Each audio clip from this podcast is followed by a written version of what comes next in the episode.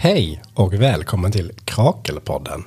Det här är del tre av poddinspelningen som vi gör när vi har läst Bell Hooks bok The Will to Change. Jag är Fredrik och sitter här tillsammans med Jon. Och Emma. och vi är glada att ni vill lyssna på våran podd. Det är vi verkligen. Nu kör vi.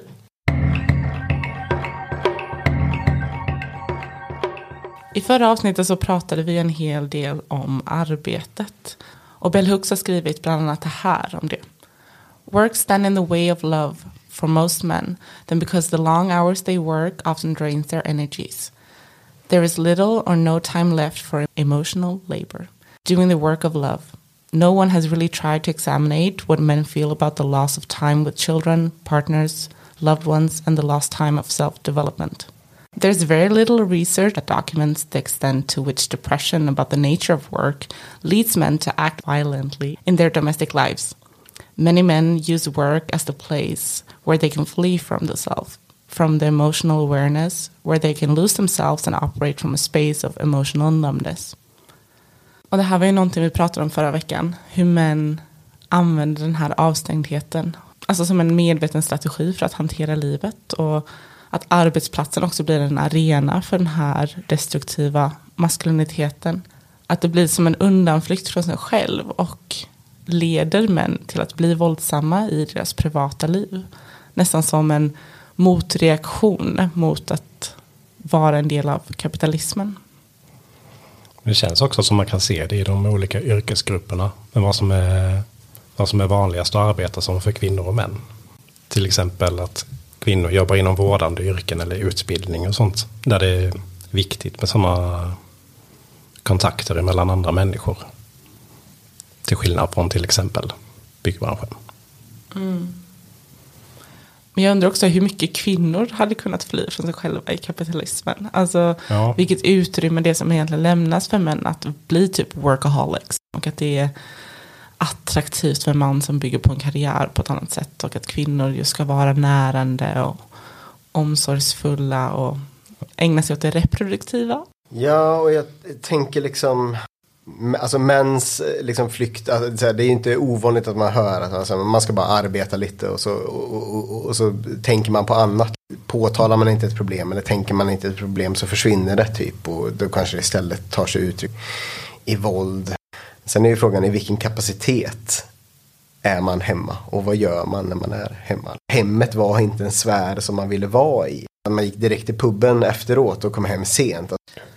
Det är ingen hemlighet med kvinnors dubbelarbete direkt. Men Nej. just den här, alltså det här sättet att formulera sig på. Att den här sorgen och kanske saknaden av aktiv tid liksom, tillsammans med människor. Alltså människor man har valt att ha sitt liv, inte bara kollegor eller, eller liknande. Och att Bell Hooks att använda ordet to operate from a space of emotional numbness. Alltså att det är nästan som att de ska fungera utifrån den här avstängdheten eller att vara avtrubbad. Inte att leva där, inte att existera eller känna. Det är funktion som står högst.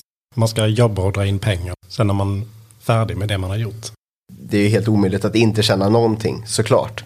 Men däremot så kan man ju kanske bedriva bedövande praktiker varav jobbet är ett. Så, så, så frågan är ju så här, om män inte hade jobbat, vad hade de gjort då? Alltså det är inte som att eh, de automatiskt hade gått och blivit självförverkligade, skulle jag tro. Självförverkligandet är ju ett, ett arbete som mer verkar röra sig i medelklassen, kanske för att idealen är annorlunda, men kanske också för det liksom rent materiella utrymmet finns. Att man har ett jobb som inte gör en fysiskt och psykiskt trött på samma vis. Bell Hooks har ju redan påstått också att grunden ligger ju i att män inte lär sig känslor.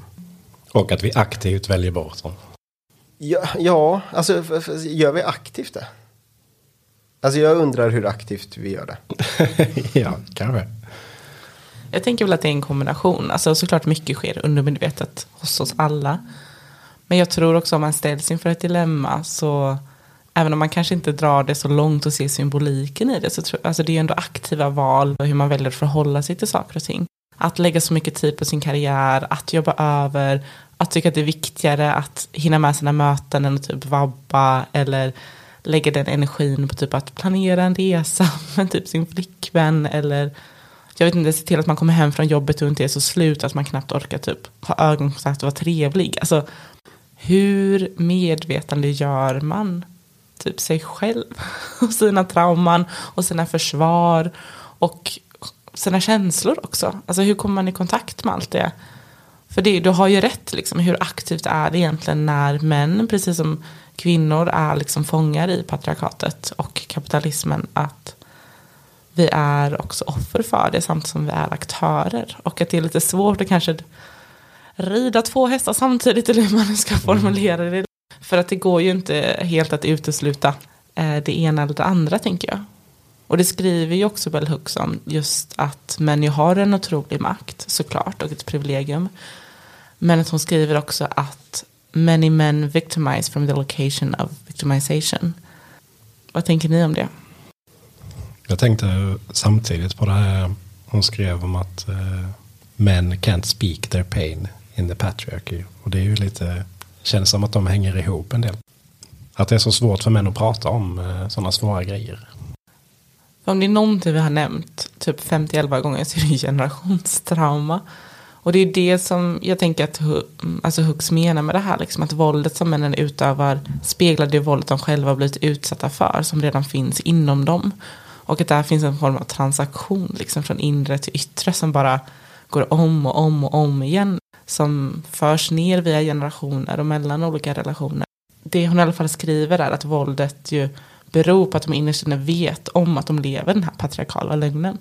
Mm. Och jag tycker det är intressant. Förra avsnittet så pratade jag liksom om den här manliga nihilismen och det känns som att den många gånger kommer utifrån Alltså den känslan av att man vet om att man lider och utifrån det liksom så är man inte heller värd någonting och ens liv är liksom väldigt försa liksom, det går att försaka.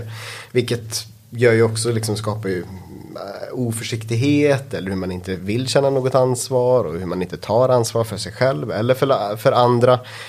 Jag tyckte det var kul att tänka utifrån alltså, filmen Fight Club som liksom känns, åtminstone min generation, en fundamental generationsfilm för men, och som fortsätter vara utifrån hur den dyker upp om och om igen också liksom i alltså på sociala medier som någon typ av templet för, alltså om det inte är samhällskritik så är det i, i allmänhet så är det liksom kritik mot eh, liksom en, den feminiseringen av liksom.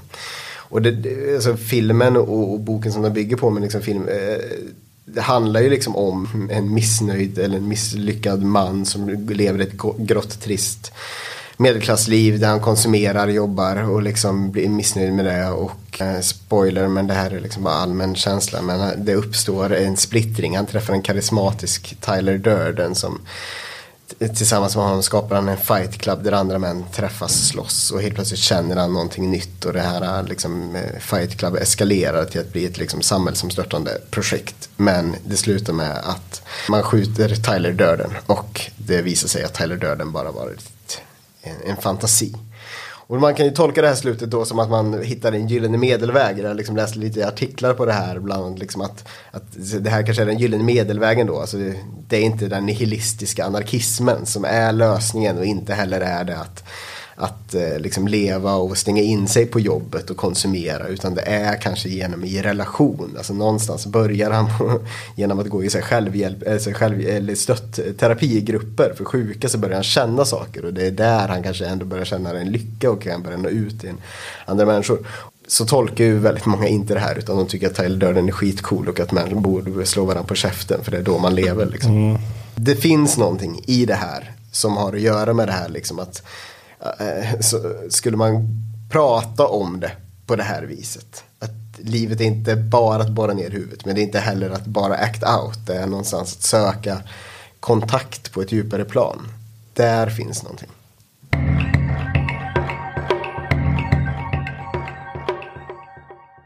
Vi diskuterade ju det under studiecirkeln just att eh, man använder våld för att känna sig levande. Och att det på något vis kanske ersätter intimiteten.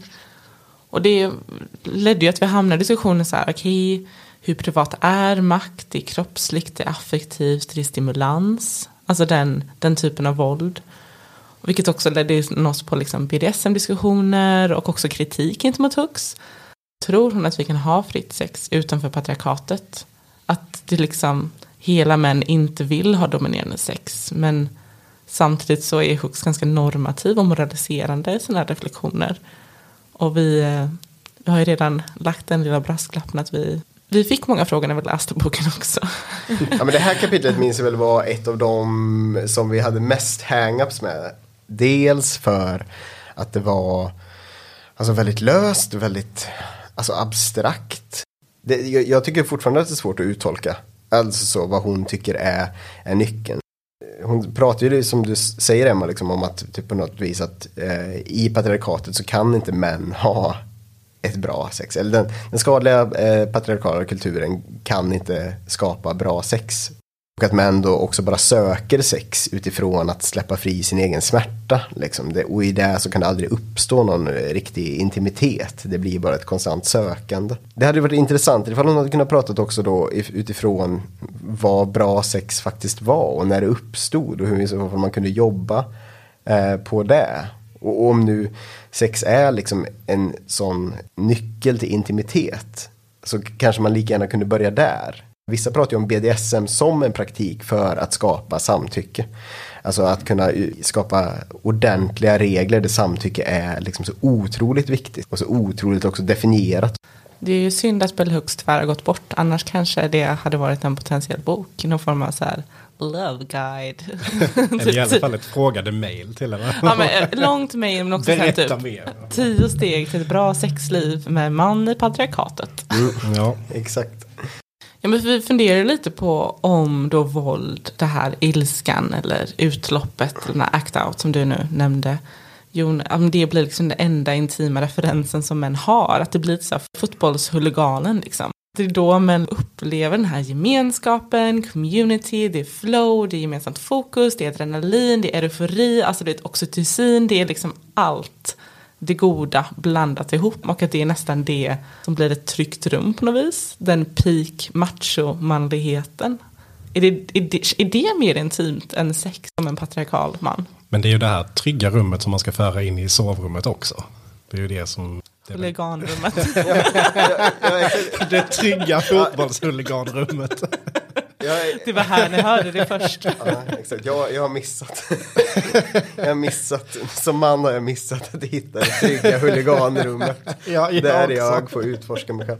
Nej men det är klart att det, alltså, det som finns där, som du är inne på Emma, det är väl som folk ger uttryck för då, är väl just den här att det finns en otrolig känsla och, och, och så ett utlopp av känslor men också en otrolig närhet, en otrolig känsla kanske av trygghet och eufori. Men jag tror inte Bell Hooks hade skrivit under på att det finns en intimitet i det här rummet. För den handlar liksom också om en känslomässig öppenhet kanske.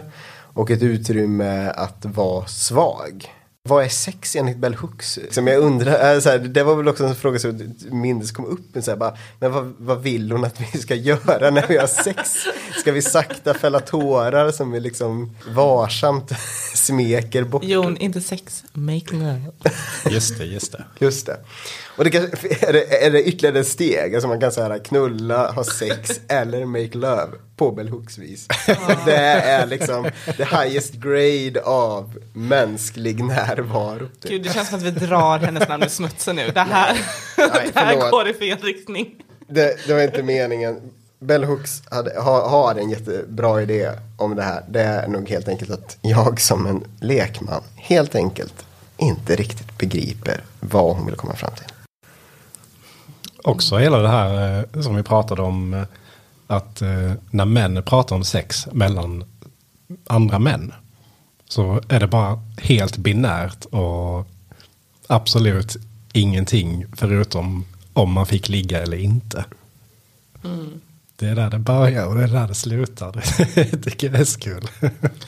Det finns ju många sådana typ skämt som kanske inte är skämt. Att så här, ehm, typ killar typ frågar inte sina kompisar. Men hur var dejten? Hur var det? Och om de frågar så är det så här. Ja men det var bra. Det var nice. Jag fick ligga. Som du nämner Fredrik.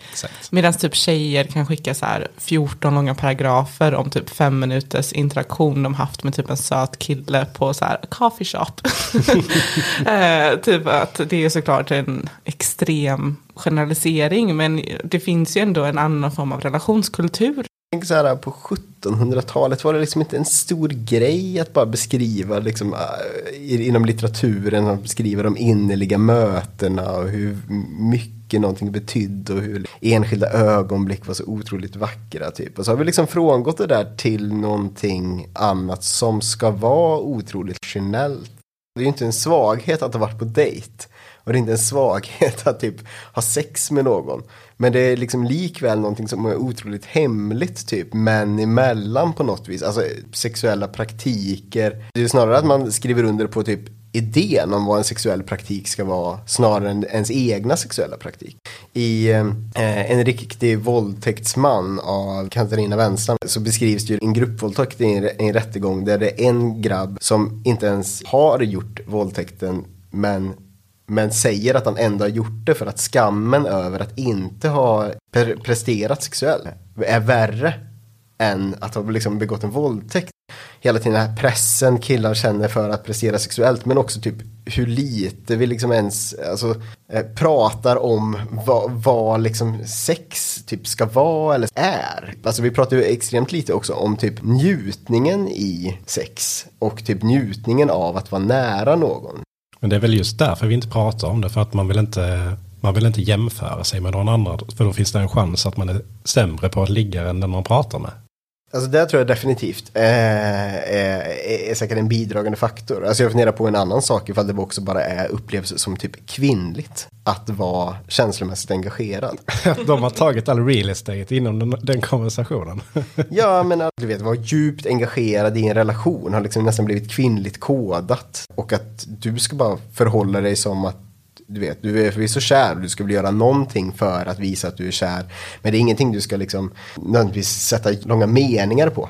Ett ord duger kanske. Eller knappt det. Så här, du mm. vet ju att jag älskar dig, varför ska jag behöva säga det? Ja. Lite så här, jag säger till om det förändras. Mm.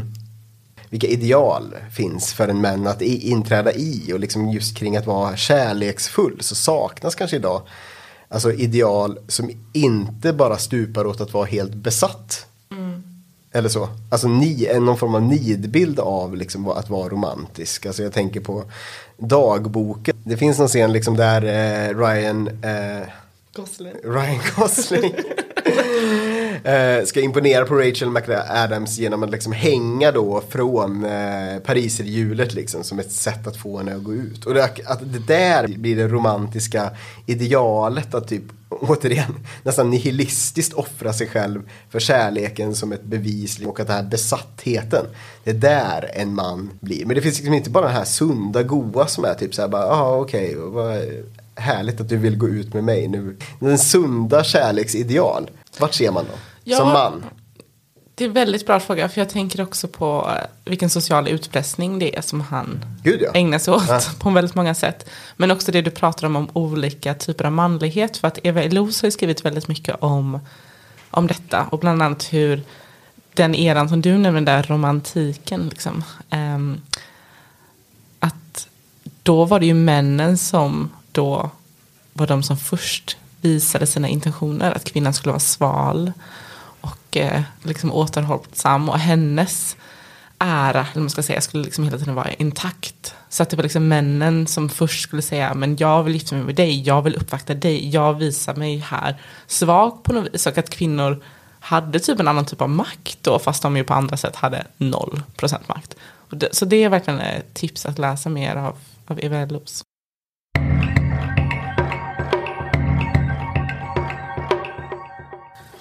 Men bra positiva förebilder. Ja, mm. jag, prat, jag pratade lite om det förra gången efter på det va? Ja det kanske du gjorde. Om just... 13 snart 30. De. Ja, prata om 13 snart 30. det var en film som ingen har sett på. Du Fredrik, den finns numera på en streamingtjänst nära dig. Och det är väldigt mm. många som efter att jag tjatat på dem har sett om den nyligen. och jag blev så chockad. Okej, nu ska jag inte ta den här Hollywoodfilmen i liksom 100% försvar.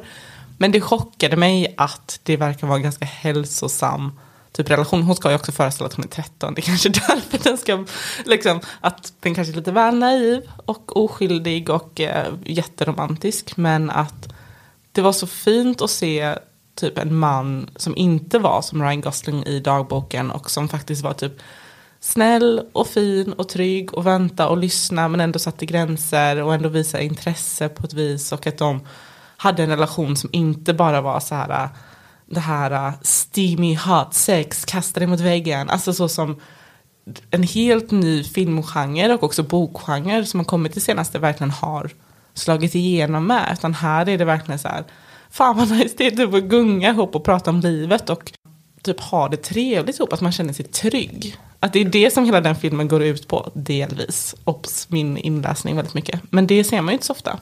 För det är ju alla de här tatuerade männen som är destruktiva och slår i väggar och är svartsjuka och God knows what. Jag tänkte på den här 365 dagar. Eller vad det var. Alltså det är fan sjukaste jag har sett i hela mitt liv tror jag.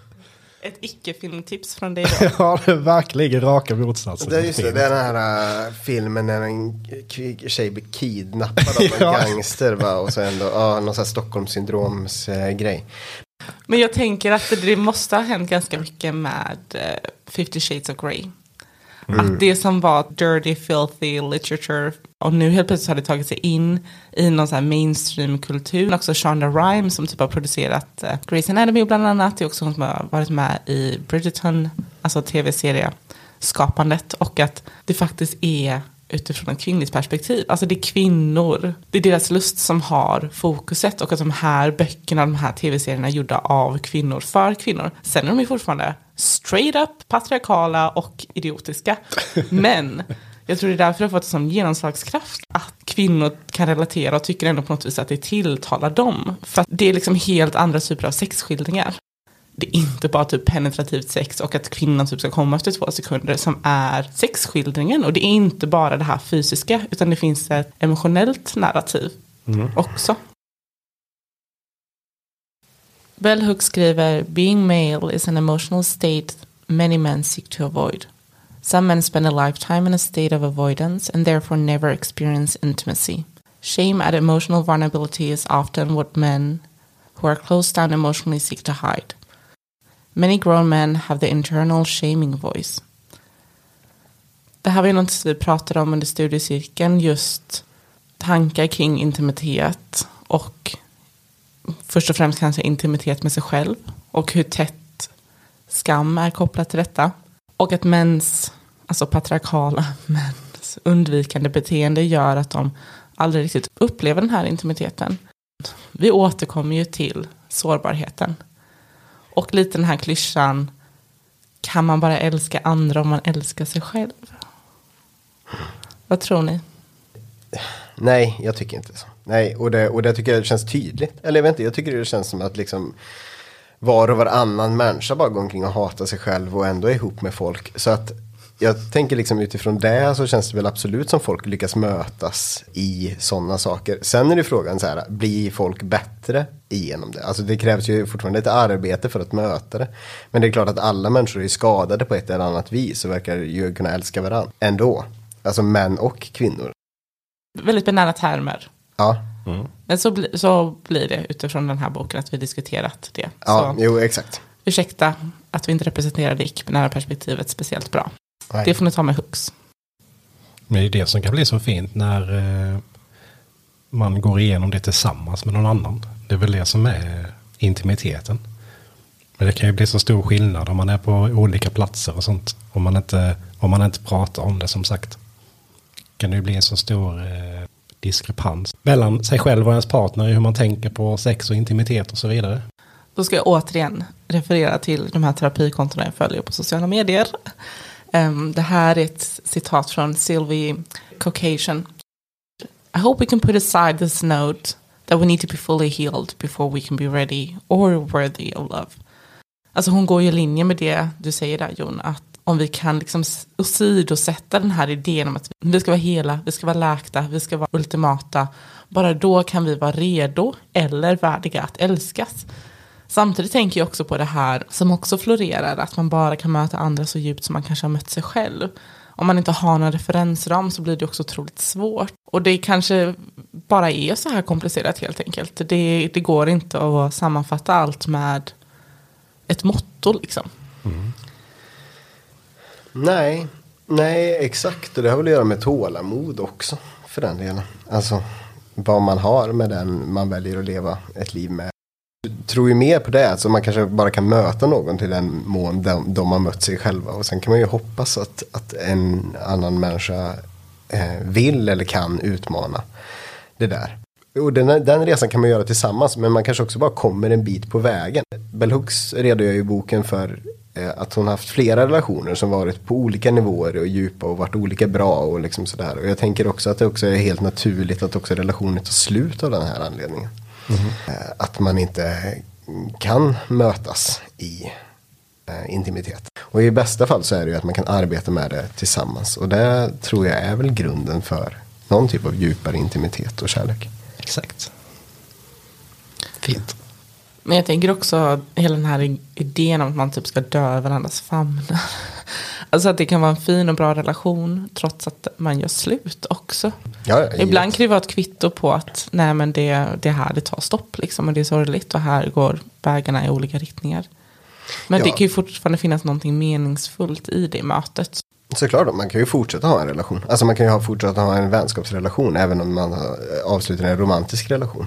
Vår tanke på hur relationer ser ut och hur de slutar och hur de alltså börjar också för den delen. Och så är ju präglade av en, ett patriarkalt tänk.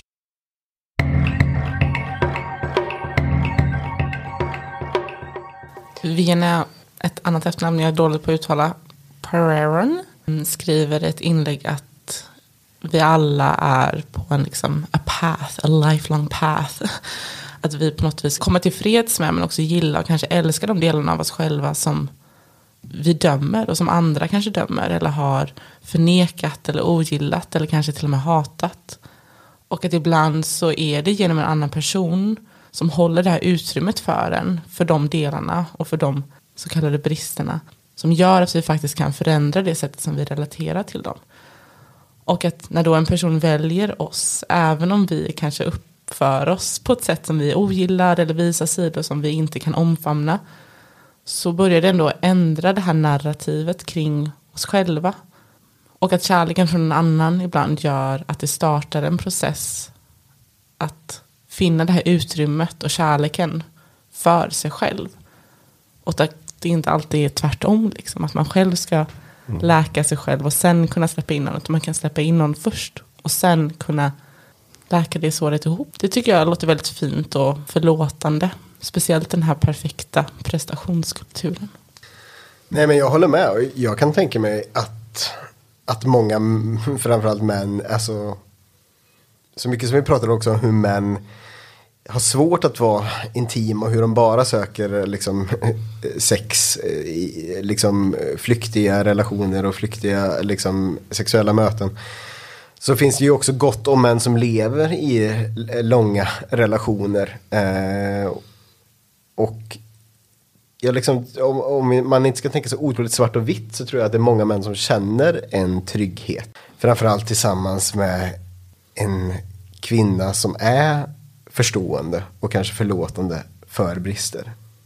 Problemet som man kanske kan se är hur den här smärtan som Bell Hooks påpekar att män bär, att den också kommer fram, men bara kanske till en viss nivå. Och att män fortfarande behöver kanske bedöva delar av den smärtan med arbete eller med alkohol eller med våld eller liknande saker. Men att det fortfarande finns en trygg hamn någonstans i relationer. Och det där är ju liksom, alltså kanske kornet också av vad som kan bli skadliga relationer också såklart. Hur länge kan man vara med en sån person för att nå till botten utav det? Det finns ju något liksom otroligt bräckligt i att liksom tänka att man också ska vara någons hamn. Det kräver ju också att den andra får vara hamn också och att det känns ömsesidigt. Mm. Det är väl de patriarkala strukturerna vi vill ha bort. Jo, jo, Jag tror att det är jättesvårt att kunna avgöra det. Balansen mellan det här är tillräckligt bra. Vi är mm. mänskliga, vi har brister. Vi får liksom omfamna varandra så som vi är. Um, och släppa idén på att en person ska vara allt. Liksom, som Esther Perel som jag älskar så himla mycket pratar väldigt mycket om att man förväntar sig att en partner ska vara liksom ens älskade, companion, bästa vän och det ska vara liksom den smartaste man har träffat och det ska också vara en partner i livet och en medförälder och det är liksom, listan är så otroligt lång att man själv också aldrig hade velat sitta på en sån pedestal liksom, och känna att man ska uppnå allt detta. Och att det inte heller är schysst att utsätta någon annan för det. Men det är svårt att komma runt det och inte hamna i fällan så här. Ja, men han menar ju väl och ja, men du vet ju hur han är. Han har ju inte koll på detta. Och bara medberoendeaktigt göra massa ursäkter för männen i ens liv för att de inte tar ett emotionellt ansvar och inte prioriterar relationer och kanske inte bara andras mående i sin närhet men också sitt egna mående. Hook skriver att män söker sex i hopp om en emotionell tillfredsställelse som kommer via kärlek. Eftersom de inte får denna intensifieras lusten och längtan. Män act out genom sex. Då det är den enda sociala arenan där mäns dominans kan bli förverkligad. Sex handlar inte om att möta andra. Utan blir ett sätt för män att release their own pain. Hooks pratar ju ganska mycket om den här idén av att män måste få sitt så att säga. He's gotta have it. Och att det nästan blir ett beroende. Alltså hon beskriver det i termer av så här compulsive need. Um, och det, det kan ju kopplas till den här eh, idén om att det är, är det en sex drive eller så här sex lust. För en drive är ju typ så här om du inte äter så dör du, om du inte dricker så dör du, om du inte sover så dör du typ. Men om du inte får ligga så är det inte som att du dör. Men det Nej. finns ju någon idé om att det lite går hand i hand med den patriarkala manligheten. Och att det är något så här djuriskt begär som kvinnor typ inte har tillgång till som gör att män får helt annat handlingsutrymme. Och Hooks pratar ju också om termerna vi använder för att beskriva detta. Alltså på engelska då, liksom det här fuck you. Det är både att ha sex med någon men också att be någon liksom dra åt helvete och förstöra någon. Eh, och att det blir nästan översatt till att man har sex typ mot någon och kanske inte med någon. Men att det verkar finnas en sån otrolig rädsla kring sex egentligen. När det kommer till de här patriarkala männen. Och att det är kanske är därför de måste typ fuck you. Bell Hooks pratar om sex som liksom möjligheten till intimitet men att män också liksom har sex som den enda arenan där de får liksom utöva dominans. Därigenom så, så, så, så når kanske framförallt män då inte sexet som en, eh, dess ultimata potential. Men det är också frågan vad den här intimiteten som hon efterfrågar, vad den är. Alltså den urintimiteten, alltså så här, vad innebär det? Vad består det här mötet i? Alltså, ibland pratar vi om sex som att det är liksom de djuriska lusterna som möts. Eh, och det känns som någonting som Bell Hooks inte beskriver. Utan hon beskriver liksom alltså intimitet som något väldigt lugnt, fint och stillsamt.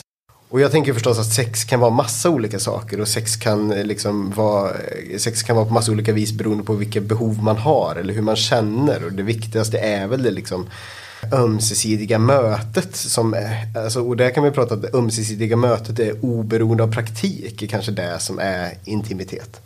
Att vara sårbar inför sex är ju någonting som är svårt för män. Som både visar i hur kanske kassa snubbar är på att prata om sex med varandra och med andra. Men kanske också hur dåliga män är på att utforska egna sexuella preferenser och praktiker som går bortom ett, ett givet narrativ. Mm. Eller går bortom ett porrnarrativ tänker jag också. Alltså jag tänker på typ, alltså speciellt i det USA som Bell Hooks levde och som, ja, landet finns ju kvar så att säga. Eh, att eh, typ hur sexualupplysningen är. Mm. Och hur, men även i Sverige hur den genomsnittliga åldern då man första gången kollar på porr typ sjunker drastiskt för att yngre barn får tillgång till mobiltelefoner. Och att porren då blir kanske enda utbildningsverktyget som man liksom lämnas med. Liksom. För hur pratar man med sina barn om typ strypsex? Och trenden att liksom unga pojkar typ trycker på nedre delen av magen mot livmodern för de tror typ att det ska bli tajtare när de har sex. Liksom. Alltså hur pratar man med sin 11-åring om sånt? Hur pratar man själv med sin partner om sånt? Och hur, hur tänker man själv kring sin egna sexualitet? Att det är ett jättesvårt område att navigera överhuvudtaget. Speciellt när det kryper ner så långt i åldrarna med. tänka på att man ska prata om eh, sådana saker med sin... Alltså även fast det är jätteviktigt och det måste göras. Så blir det ju... Ja. Men inte då som vi sa innan bara prata om vad som är fel och vad som är dåligt. Men så här, du måste inte krama din farbror för att han typ vill. Du måste inte le på ett kortet bara för att jag eller andra vuxna ska ta kort på det just nu. Att prata om samtycke och prata om gränser och prata om kroppen i sådana termer att kroppen är privat långt innan den blir sexuell. Vad det betyder, inte bara mm, nobody should touch your private parts. Typ, vad är det för ställen? Typ att så här, din mun är din mun. Alltså sådana saker. Och kunna ha ord för sina kroppsdelar. Och kunna köra hela den här stopp min kropp-grejen. Alltså det är jättefint på sociala medier. Så har jag sett så här små barn. För det finns ju någon sång då i USA som är så här. You're not allowed to touch me. I don't feel comfortable. Okej, okay, jättedålig låt. Den, den gick överhuvudtaget inte så. Men och att det var typ en förälder då. Vilket ju är lite problematiskt i sig. Men som hade filmat sig och sitt barn. Där hon kittlar barnet och sen helt plötsligt känner typ att barnet blir lite stel. Och sen börjar sjunga den här låten. Eh, för att liksom visa på så här, nej men jag känner mig inte bekväm längre, jag vill gärna att du slutar. Och att mamman bara, men gud fantastiskt vad bra att du sa det, för det visste inte jag. Vad bra, men nu vet jag så då ska jag självklart sluta. Men att mamman såklart hade slutat innan så fort hon kände att hon blev lite stel. Det är liksom skönt att samtyckesdebatten har kommit så långt men jag tar väl fast också på det du Emma säger att vi inte bara måste prata om det som är dåligt utan vi också måste prata om det som är bra. När jag jobbade för RFSU ett tag så liksom brukade vi börja passen eh, med att liksom, om jag säger sex, vad, vad, vad, säger ni då? Och så fick liksom de eh, snack, eh, säga massa ord och, och säga, om jag säger bra sex, vad säger ni då? Ibland blir jag lite rädd för att den här debatten också blir så otroligt alarmistisk. Klart att det finns liksom ruggiga fall där strypsex och liksom alltså bara eh, våldsamma sexuella praktiker liksom på tjejernas bekostnad liksom har varit en verklighet. Men alltså man får nog också komma ihåg att de flesta 14-15-åringar är bara typ pissnervösa inför sex typ. Alltså tjejer och killar alltså så här, vet inte hur man ska ha sex, är nervösa för sex, har inte sex, sexdebuten ligger fortfarande kring 18. För i och med att sex ändå troligen blir någonting som människor har förr eller senare så måste vi kanske också bara prata om typ så här bra sex snarare än typ liksom hur sex är pissigt och lätt att ge liksom porren den garanterat största syndabocksrollen bara för att den existerar typ. Men jag menar vi är ju syndabockar som inte pratar om någon annan typ av liksom, representation av sex heller.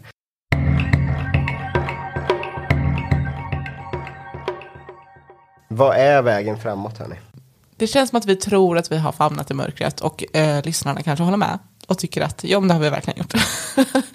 men det här utforskandet är svårt. Det känns ju som att det vi hela tiden landar i att det, är, att det inte finns en självklar väg framåt. Det finns inte ett självklart jag. Det finns inte en självklar relation eller partner eller whatever. Och att det är det här lirkandet delvis återhämtningen men läkningen och, och, så sker men också vägen framåt det, det låter ju löjligt att sitta här och prata typ om att man ska skriva ett brev till en kompis eller bara vara ärlig när någon frågar hur man mår. Men jag tror att det är i de all sakerna det faktiskt sker.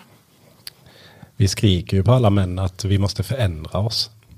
Det tycker vi allihopa och det är vi överens om. Men eh, vi måste också skapa en eh, kultur där de får lov att ändra sig och känna att de är bekväma med det. Och vi måste hjälpa manssläktet på vägen, Jon ja.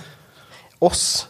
Kan vi inte säga oss? Alltså vi är ju också män. Alltså, ja. Så här, ja. Men jag tror, ja, alltså jag håller med om det. Jag tror också på det här att lyfta det positiva. Inte se det som något ouppnåeligt som liksom ligger långt bortom. Jag tror alla män som jag känner har positiva, fina sidor. Värda att bejaka, beteenden som är värda att bejaka och att liksom. Det handlar också om att uppmuntra det. En sak som jag tagit fast och tänkt mycket på den senaste tiden. Jag läste någonting om, en lyssnare tror jag på en podd. Alltså vi berömmer barn jättemycket och vi ser det som en naturlig del av deras utveckling. Det slutar man göra. Och jag bara tänkte på det, jag bara, fan det är helt jävla sant. Vi, vi gör inte det. Så att jag tror också på att berömma fina sidor hos eh, sina medmänniskor. Alltså positiv uppmuntran. Jag tror att det också är ett jätte, jättebra sätt att liksom jobba på det vi tycker om det skapar ju bättre förutsättningar för förändringsarbete och, och gör det mer sannolikt att beteenden ju förändras. Jag tänker också på att det är så lätt, tycker jag, att det också kan trilla över till att bli den här kapitalistiska prestationsgrejen. Liksom, att man ge beröm utifrån, utifrån prestation istället för att också bekräfta någon verklighetsbild. Att vara så här, wow, du tycker det här är så kul. Eller åh, gud vad fint att träffa dig. Eller gud vad stort att du har gjort detta, vad modigt det var. Istället för att det blir den här slentrian bara, bra jobbat, snyggt, duktig. Det tror jag inte det du menar nu Jon, liksom. men jag tänker bara att det är skillnad på att ge beröm med intentionen att typ se någon och ge beröm utifrån att så här, här får du en liten guldstjärna för du har betett dig typ. Ja, nej, exakt, verkligen. Alltså, jag tänker ju på att det vi borde berömma mer, det är ju egenskaper över att du är väldigt duktig på att lyssna. Eller jag känner eh, mig, eh, känner att du är duktig på att ge råd, kanske. Eller så. Jag tycker om råden jag får av dig. Eller du är vänlig mot människor, till exempel. Ja, men ibland är det vissa sådana egenskaper som kanske är svåra typ att se och definiera, men att gud, mina vänner är typ verkligen nyfikna på mig. De är genuint intresserade, de är närvarande, de lyssnar, de ställer frågor. Ja, men hur gick det med det där? Att liksom känna sig sedd på det sättet, att folk har aktivt de förmågorna och ser till att behålla de förmågorna. Att det är det som det relationella arbetet handlar om, tänker jag. Bell Hooks pratar ju om att we ask men to change without creating a culture of change to affirm a system. Those of us who love men do not want to continue our journey without them. We need them beside us because we love them. Och det tänker jag är en viktig påminnelse. Om man tycker att det är trögt, det är tungt, man förlorar sin motivation. Att så här, varför gör vi detta? Varför ska vi öppna våra hjärtan mot män? Men också de delarna inom oss, alltså även som kvinnor som kanske är låsta bakom de här patriarkala strukturerna. Varför gör vi allt detta? Jo, men det är för att vi vill vara med varandra. Vi vill ju inte överge männen eller de patriarkala kvinnorna i våra liv. Och tack Emma för att du har skapat den här studiecirkeln. Som vi har fått komma och delta i. Ja, toppen initiativ. Tack till dig Emma, tack till dig Bell Hooks. Jag uppskattar din bok. Och tack till Kraken. Och tack till Kraken. Och tack till er för att ni har varit med. Och tack till er som har lyssnat.